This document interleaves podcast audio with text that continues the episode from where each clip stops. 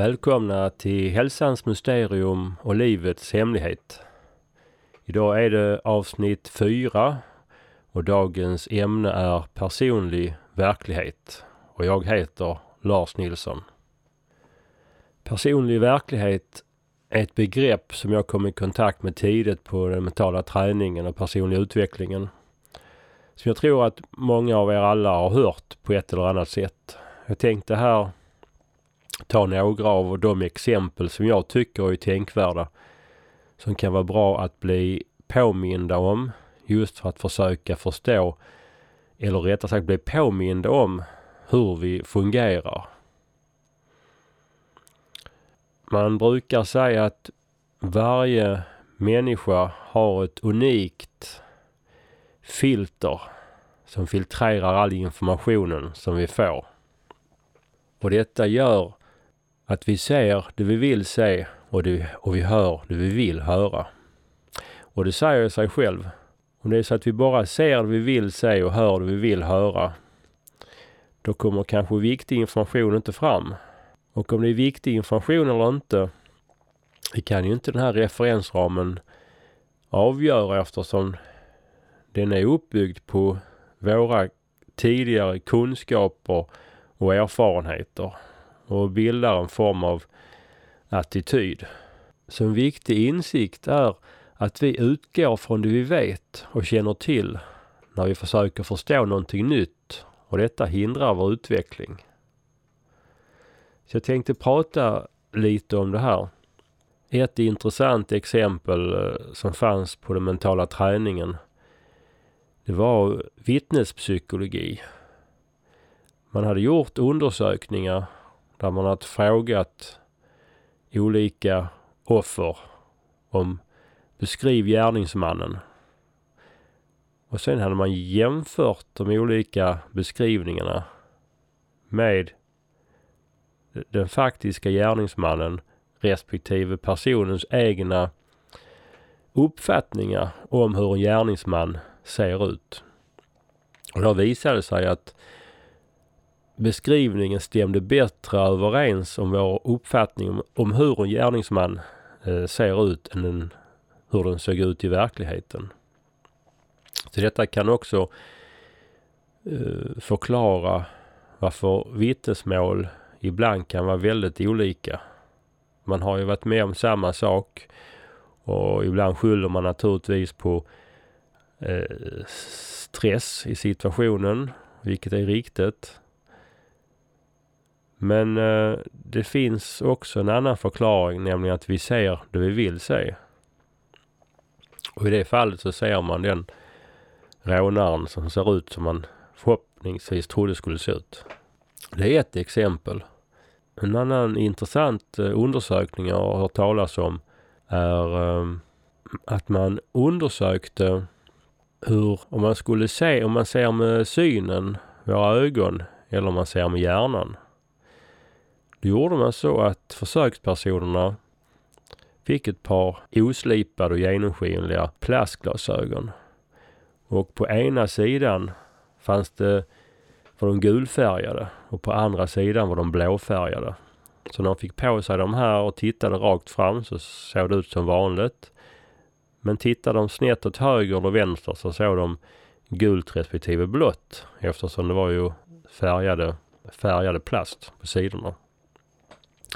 Instruktionen var att försökspersonerna fick inte ta av sig de här glasögonen utan de skulle ha dem, ta dem när de hade släckt lampan på kvällen och ta på dem direkt på morgonen när de vaknade.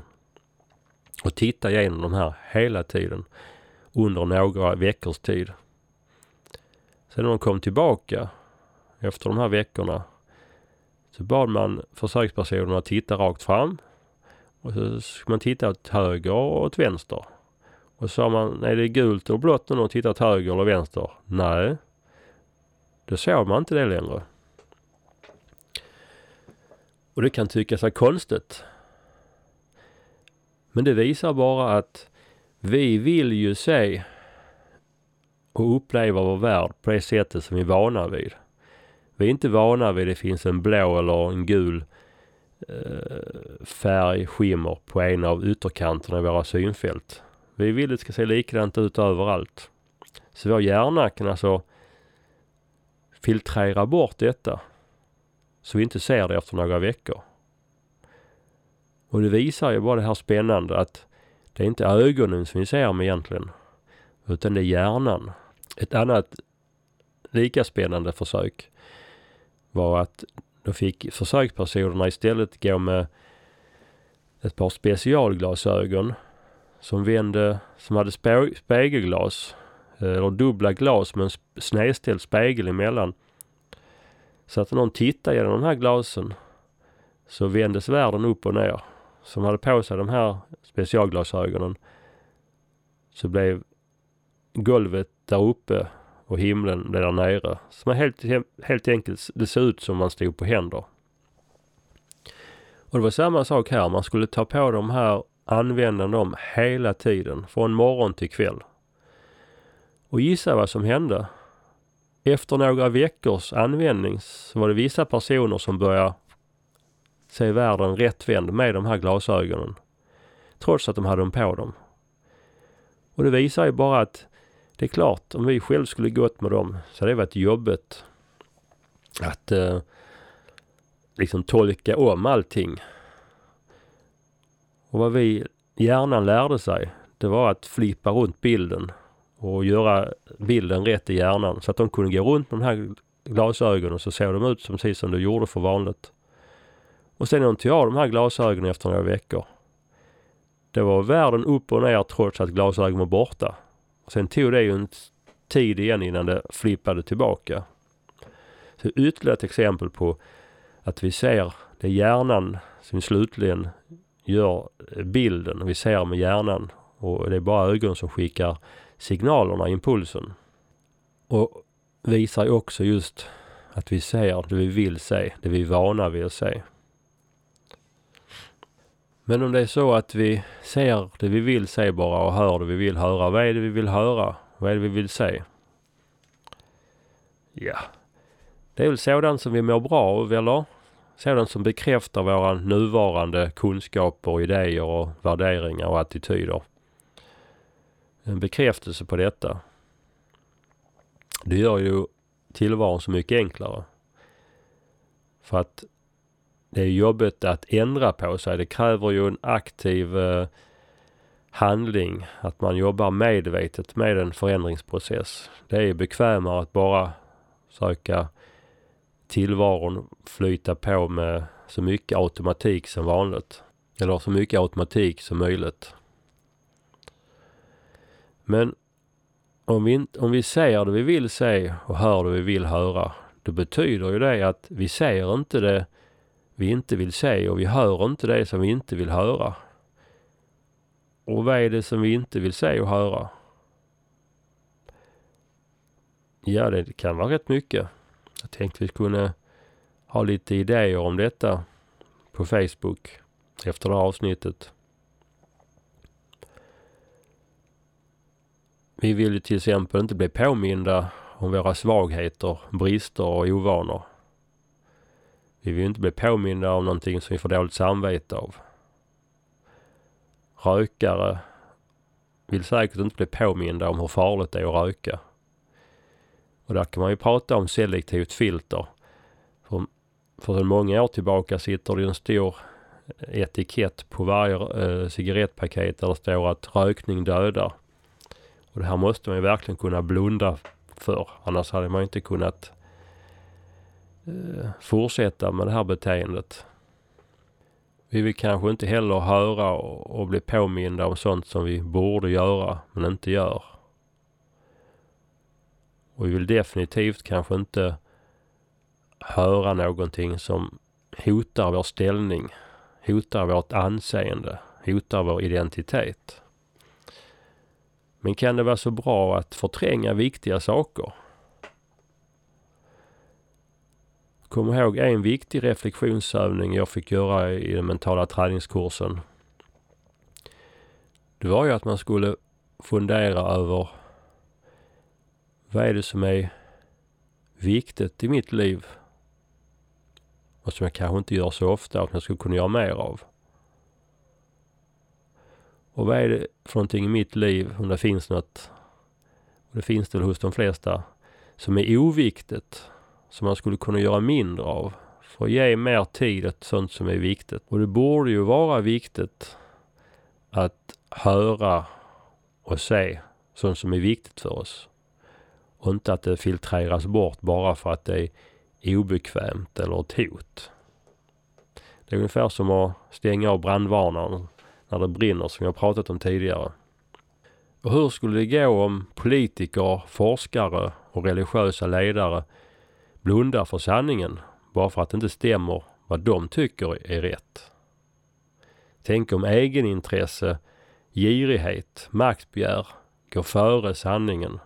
Hur blir då samhällsutvecklingen? Ja, så jag kommer ju tillbaka till det här igen, hur viktigt det är med ödmjukhet. Att kunna erkänna att man inte kan allt, vet allt och att man har fel. Så nyfikenhet, öppenhet, ödmjukhet borde vara eh, viktiga rättsnöre inom alla viktiga enheter i samhället och inte bara på individnivå. Och det finns ju väldigt många olika exempel eh, ifrån historien där man inte har velat se och, och eh, priset för detta har varit lidande och död. Men det har man inte brytt sig om för att det har varit viktigare att bevara sina nuvarande idéer, även om det senare visar att de är fel. Ett klassiskt exempel som nämns i detta sammanhanget jag vet inte hur sant det egentligen är, men man pratar om det här att eh, i vår tidigare i, inom kristendomen och religionen så har man ju sett jorden som världens mittpunkt. Och där är solen som går runt oss och inte tvärtom. Och, och vissa pratar ju ibland om att att de första vetenskapsmännen som eh, påtalade detta, de blev bortförda och ibland dödade bara för att de kom med en obekväm sanning som inte stämde in med, med dåvarande. Men en annan mer aktuell eller nyare exempel som är mer eh, vetenskapligt bekräftat så att säga. Det var en eh, läkare, en ungersk läkare på mitten av 1800-talet. Han började jobba med förlossningar i Österrike.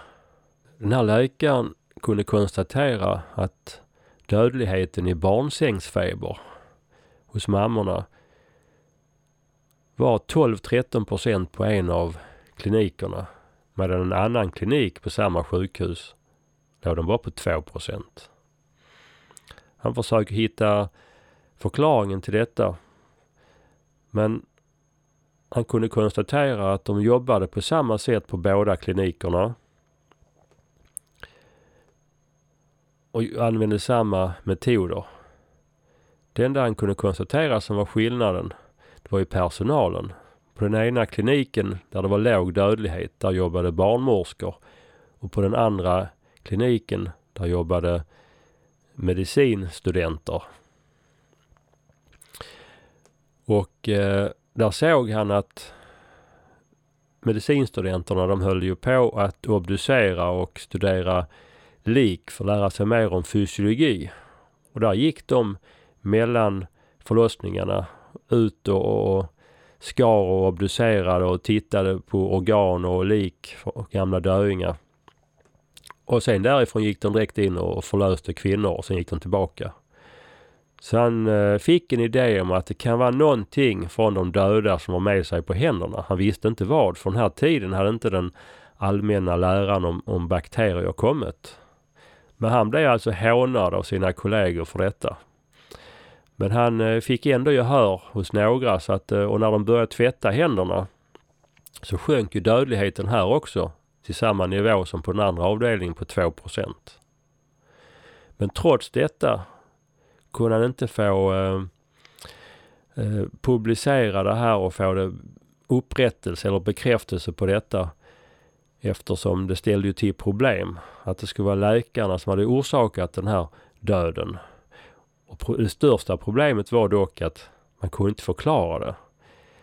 För att ett stort problem inom vetenskapen är ju att har man ingen bra förklaringsmodell, då tror man inte på det. Så att det här fördröjde eh, det här, så den här kunskapen om att man visste detta gjorde ändå att många kvinnor fortsatte och dö helt i onödan bara på grund av, kan man säga, eh, fyrkantighet. Och han stack därifrån och öppnade sen eh, och började jobba på ett annat ställe där han eh, jobbade vidare med det här. Och så småningom kom ju eh, kunskaper om bakterier och att det var bakterier som orsakade detta och då blev det naturligtvis lätt att förklara det här och det blev vedertaget. Men det finns som sagt många sådana här exempel i historien. Där det kommer ny information men bara för att information inte stämmer med vad man redan vet av den traditionella kunskapen så vill man inte veta av den och förkasta den. Det finns många forskare som har stött på detta. Eh, när jag ska prata om arv och miljö så ska jag också nämna eh, någonting om detta. Där också hände något liknande. Så man kan naturligtvis fundera hur mycket onödigt lidande har det blivit på grund av att inte vi vill ha fel. Att vi inte vågar erkänna vår okunskap eller vågar titta på att det finns möjligheter. Ett intressant område är ju den alternativa medicinen. Jag förstår inte varför det är så stort motstånd i samhället för detta. Varför inte göra det mer öppet? Gör bra forskning på det och se vad kan vi lära oss av det? Vilka bitar kan man ta nytta av? Allt för, eh, vad ska man säga, samhällets invånare. För vi borde ju använda oss av det bästa vi kan komma fram till. Inte bara en lösning för att det är den som vissa säger vi ska använda. Eh, inom kinesisk medicin har det till exempel använts akupunktur under många år. I flera tusen år. Och för att bli akupunktörläkare i Kina måste du först utbilda dig till vanlig läkare under de åren och sen går du en lika lång utbildning till nästan för att bli akupunktör och jobba med den, den delen av medicinen. Och här i väst har det blivit så att när akupunkturen kom så blev den först väldigt eh, ratad och fick ingen uppmärksamhet. Och det berodde också på att man kunde inte förstå hur det fungerade för det byggde ju inte på den klassiska eh, förklaringsmodellerna.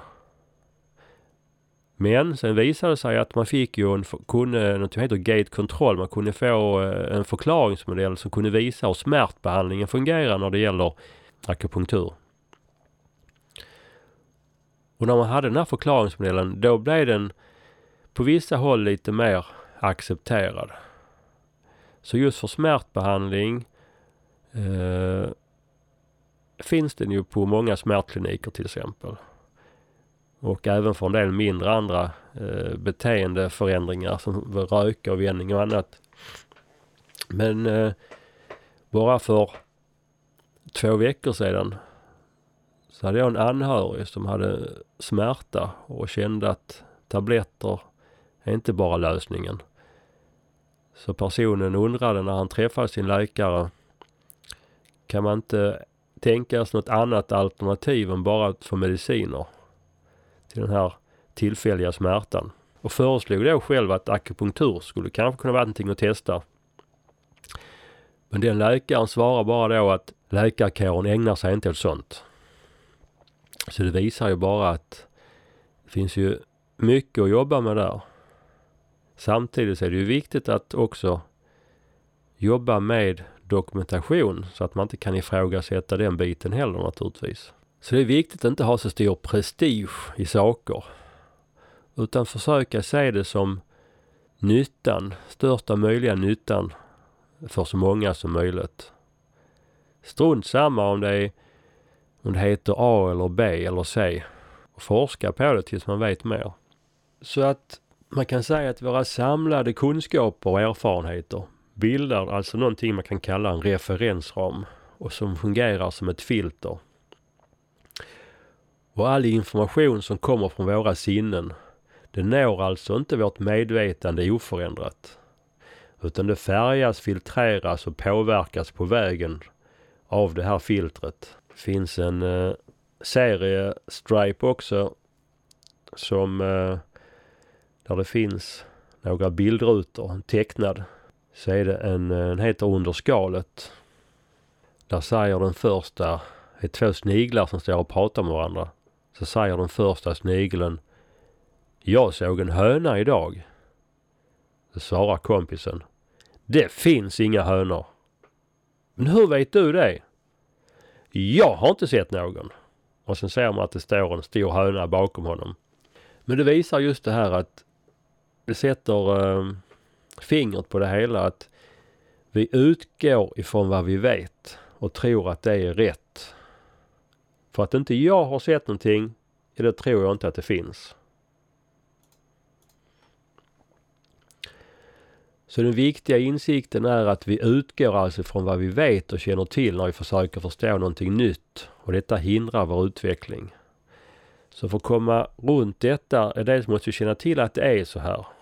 Därför måste vi öka vår medvetenhet och vara uppmärksam på de här reaktionerna som sker hela tiden. Att vi blir uppmärksamma på att vi inte är intresserade av någonting, att vi blundar för någonting och istället funderar kanske på Hmm, kan det ligga någonting annat bakom detta? När ni lyssnar på vad jag säger nu så skulle jag vilja uppmuntra er att lyssna inte bara till vad jag säger utan försök även vara uppmärksamma och medvetna på er egna reaktion på det jag säger. Är där en samstämmighet, att ni nickar omedvetet med och tycker att ja men det stämmer nog, det här är intressant. Ja då känner ni att det här köper jag inte, så här kan det väl inte vara. Och jag säger inte att ni ska köpa vad jag säger, utan det viktiga är bara att man kan lyssna utan att koppla på det här dömandet på en gång. Så det här innebär att vi behöver alltså vara medvetna om vi har det här filtret. Vara medvetna på reaktioner och när vi märker att vi avvisar någonting ska vi ifrågasätta en extra gång bara om det beror på att det är någonting vi inte vill höra eller någonting som med rätta avvisas för att det är någonting som inte stämmer med vår referensram och som vi tror är rätt i detta sammanhanget. Det finns ju ett eh, bibliskt intressant uttryck som lyder att man silar mygg men sväljer kameler. Och det är ju intressant. Eh, som just pekar på att vi lägger för mycket tid på oviktiga detaljer men struntar i det som är viktigt. Och som är, vad som är viktigt, det tror jag nog att var och en vet när man väl eh, börjar fundera och reflektera. Men i den här omedvetna automatiken så försvinner det. Ibland när jag varit ute och föreläst så har jag medve ibland medvetet använt mig av provocering som ett sätt att få en reaktion låta deltagarna få uppmärksamma sin inre referensram. Och du kan ju själv, eh, när du nu är uppmärksam på du tänker på vad jag snart kommer att säga. Eh, ibland när jag kommit ut så, så har de inte vetat vad jag ska prata om mer att det ska handla om hälsa. Och så kommer man dit som apotekare och så har de sina förväntningar av det. Och eh, det är en fördel för just det här lilla experimentet. För då säger jag så här att jag har hållit på nu i 20 år med mental träning och intresserat mig av olika tekniker för att påverka sin hälsa och livskvalitet och stresshantering. Och eh, får nog säga det att det finns en, ett sätt att jobba som gör att vi kan både få bättre hälsa, vi kan bli av med stressen och vi får garanterat högre livskvalitet. Och inte nog med det, inom arbetslivet får en högre kreativitet och bättre beslutsfattande också. Och då brukar ju cheferna naturligtvis vara liksom att oh, berätta för mig. Vad är det här för någonting? Och hoppas att precis som någon som köper en ny veckotidning med ett nytt bantningsråd att det är någonting man har missat. Nu kommer det någonting nytt spännande som ska vara förlösande. Berätta. Och så ber jag dem att vara uppmärksamma på sig själva och sina tankar när jag berättar det. Och sen bara titta på dem så säger jag lugnt meditation. Och det är rätt så skoj att se 10-20 personer framför sig. För att eh, de flesta reagerar ju på detta eftersom det här var inte vad de väntade sig. Några av dem är meditatörer, har hållit på med det ett tag och nickar instämmande naturligtvis, för de vet vad jag pratar om. Men de flesta som då inte har så mycket kunskaper om meditation och vad det står för egentligen. De bara liksom, det liksom, de får inte ihop bitarna. De bara liksom, man ser på dem att de sitter och tittar på mig och stirrar och nästan väntar att jag ska avslöja att det var ett skämt.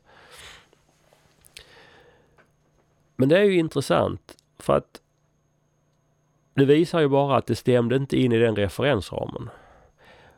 Och det som då är nästa steg som är det spännande är att om man är öppen, nyfiken och ödmjuk, då borde nästa steg vara att man tänker ungefär, ungefär så här. Hmm, det var intressant. Hur tänker han då när han säger så här? Vad vet han som inte jag vet? Eller hur? Innan man dömer det. Eh, så tänk själva när ni säger någonting till någon person, när ni berättar någonting. Och personen bara himlar med ögonen eller slår bort det. Tänk dig liksom att vilket ointresse detta visar ibland. Och okunskap. För är man nyfiken och öppen så borde man ta ett steg till och fundera innan man förkastar det och försöka, om man vill utvecklas och se, är det någonting jag har missat? Så det här med personlig verklighet är intressant. Um, att vi uppfattar vår verklighet olika. Och eh, förutom att vi uppfattar verkligheten olika beroende på att vi har olika erfarenheter och kunskaper så beror det även på hur vi är konstruerade. Och här har jag lite spännande exempel. För tänk själv två människor som står sidan om varandra och lyssnar på något musikstycke. Ja, om den ene har en en uh, hörselnedsättning så att den inte hör vissa frekvenser. Då hör man inte samma sak. Och man säger ju att en människa normalt har mellan 20 och 20 000 svängningar i sekunden, alltså 20 till 20 000 hertz. Men med åldern så minskar ju det här omfånget så man hör ju eh, mindre och mindre av de högre frekvenserna ju äldre man blir. Så därför ett barn och en gammal person som sitter och lyssnar på musik med olika frekvenser. De hör ju inte samma sak. Så det visar ju också ett sätt att vi lever i olika verkligheter. Och just med hörseln så är det intressant. Där har vi ju en hundvisselpipa som eh, har mer än 20 000 hertz, vilket innebär att hon kan nog höra upp till 25-30 000 hertz. Så det innebär att när man visslar i den här hör inte människan den, men hunden hör den. Eh, och sen har vi ju synen. Vi människor har ju konstruerat hela vår jord omkring oss eller byggt upp allt så att det ska anpassa sig efter hur vi människor fungerar och hur vi är konstruerade rent fysiologiskt. Till exempel när vi sitter och tittar på film. Så kan det vara intressant att påminna om att en film, det är alltså rörliga bilder. Vi har glömt bort det idag kanske, men det är ungefär 25 bilder som kommer i sekunden. Och då uppfattar vi det som en rörlig bild där vi ser det som en, eh, en rörelse helt enkelt, utan glapp.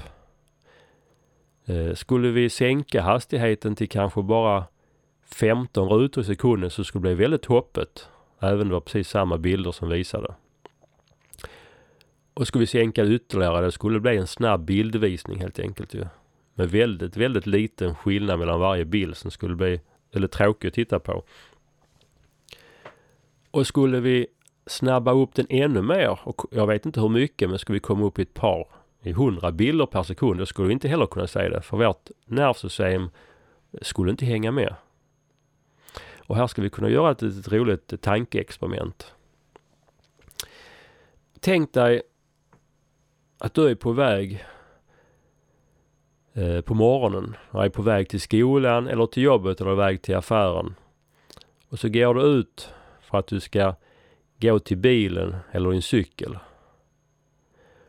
Och precis, du ser cykeln eller bilen, du tar fram din nyckel för att låsa upp. Och precis när du är en halv meter ifrån och du sätter fram handen för att träffa låset med din nyckel. Swish! Så är den borta. Det är bara borta. Du såg den precis men den bara är borta. Vad skulle du tänka då? Det skulle ju vara väldigt märkligt, eller hur? Det skulle vara något magiskt. Man skulle säkert titta sig omkring och undra hur tusan, vad hände här? För vi skulle inte kunna greppa en sån sak. Det, hade vi, det var ogreppbart så att säga. Och sen när de står där och inte fattar någonting så och tittar rakt fram så pang och så är den tillbaka igen där. Då har du naturligtvis undrat vad är det som händer? Och utan någon förklaringsmodell så hade det inte gått att förstå detta. Men det här experimentet kan du faktiskt själv göra. Men det är inte du som upplever det utan du eh, förlåter en snigel göra det. För att man kan ju mäta hur snabb hastigheten av information är i synnerven i ögat. Och där har man ju då en viss hastighet hos oss människor och det är just därför som det är 25 bilder i sekunden som är lagom och då uppdateras detta och vi ser det som en film. Men en snigel som kryper fram långsamt, det är klart att dess fysiologi är anpassad efter dess långsamma rörelse.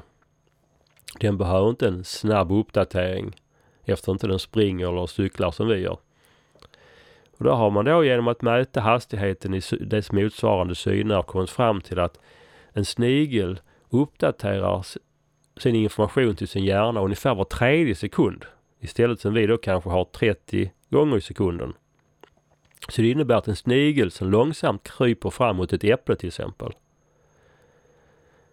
Då har den precis när den närmar sig, precis som vi närmar oss bilen eller cykeln. Precis när den är på väg och sätta tänderna i den här läckra äpplet som de har krypit fram under ett par minuter. Om vi bara tar ner handen lugnt och försiktigt lyfter bort den. Det hinner vi lätt på tre sekunder, eller hur? Helt plötsligt när den uppdateras nästa gång så bara ser den att den är borta. Och den fattar ingenting naturligtvis. Precis samma sak. Så det innebär att skulle någon kunna rycka bort något tillräckligt snabbt ifrån oss så skulle vi inte heller se det. Och det är rätt så logiskt när man får en förklaring i det. Eh, när det gäller det här med synen så är det också intressant med hur vi ser. Jag menar, ta till exempel en örn. Den har ju mycket bättre syn än vi människor. Den kan stå stilla och flaxa och hålla sig eh, stilla eh, bra bit upp från eh, marken och leta efter till exempel sorkar eller kaniner på rätt hög höjd. Och de upptäcker då något som rör sig eh, betydligt bättre än vi människor skulle göra. Och då, ta även till exempel nattdjur. Eh, vi människor ser inte så jättebra i, i mörker. Men det finns många nattdjur som har ögon som är konstruerade på annat sätt som, som ser bra helt enkelt. Och, och när det gäller att röra sig i mörker så ett spännande exempel är ju fladdermöss. De kan ju flyga i, i trånga grottor och de flyger inte med sina ögon. De skickar ju ut impulser som studsar i väggarna som sen fångar upp på kroppen igen precis som ett ekolod. Så det visar bara att vi kan ju vara konstruerade på helt olika sätt och vi får en helt annan olik verklighet. Eh, så då kan man fundera också på att det är ju faktiskt möjligt att det finns utomjordingar eller andra varelser som går omkring här bland oss, med oss, men att vi ser dem inte för de kan ha en annan frekvens. Det är fullt teoretiskt möjligt. Och visst, tanken kan verka galen och konstig. Men enligt de här ex, eh, försöken jag har nämnt så är de bara med så hög frekvens så vi inte ser dem så då är de där, men vi ser inte dem. Och det här med hur det ser ut är också, alltså om vi tittar till exempel på golvet. Om vi har ett brädgolv så kan det se jämnt ut, även om det är ett parkettgolv. Men skulle man förstora upp det tusen gånger så skulle man säga att det är väldigt ojämnt. Så allting är ju relativt. En annan galen sak att tänka på det är att om man sitter stilla i en stol så känns det som att vi sitter stilla. Men det är också en illusion. För att vi deltar i många olika rörelser ändå. Först och främst så följer vi jordens rotation kring sin egen axel. Och den hastigheten, själva rotationshastigheten, den är över 1600 kilometer i timmen. Men det som är ännu mer hisnande det är ju att medan vi sitter på vår stol och jorden roterar runt så rör sig ju jorden med en hastighet på över 100 000 kilometer i timmen runt solen. Så att vi sitter alltså... Så när vi sitter på en stol och det ser ut som att vi sitter stilla. Så i själva verket så färdar sig jordklotet med en hastighet av 100 000 kilometer timmen eh, i Vintergatan. Det glömmer vi oftast bort, eller hur? Det är rätt häftigt. Nej, så allt är inte vad det verkar vara. Så när vi får ny information så ska vi till början med lägga det åt sidan som vi vet. Annars kan vi inte få och kunna ta emot ny information. Och mycket av den här referensramen som vi har, där ligger väldigt mycket av vårt tänkande också i den. Så genom att få den här inre stillheten, det inre lugnet som den här podcasten kommer att leda fram till är ett sätt att bli mer öppen och ödmjuk.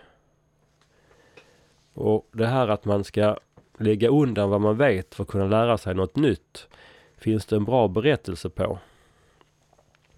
Den heter En kopp te och finns i boken Varför växer gräset? Och som jag har lagt ut referensen på på min hemsida. Och hemsidan är ju amixe.se. Så gå gärna in där och titta. Nanin, en japansk scenmästare, fick en gång besök av en universitetsprofessor som ville veta mer om sen. De pratade en stund och Nain märkte att professorn inte lyssnade på ett öppet och nyfiket sätt. Mästaren hällde upp te i en kopp och fortsatte att hälla trots att koppen var full. Det rann te över fatet och på bordet och till slut kunde inte professorn bara titta på utan han utbrast. Ser du inte att koppen är full? Den kan inte ta emot mer. Precis som koppen, sa mästaren, är du full av kunskap och värderingar. Hur ska jag kunna visa dig sen om du inte tömmer din kopp först? Mina olika avsnitt kommer ut med lite olika mellanrum. Om du är intresserad av att få en påminnare när ett nytt avsnitt har släppts så gå in på min hemsida på amixe.se och registrera dig och anmäl dig på mitt nyhetsbrev. Så kommer det på mailen. Och jag tänkte också efter detta programmet eh, skriva lite på Facebook om eh, det här med att vad är det vi blundar för? Vad är det vi inte vill höra? Jag tänkte att vi skulle kunna hjälpas åt och påminna oss om viktiga saker som vi kanske inte eh, vill höra. Det var allt för denna gången.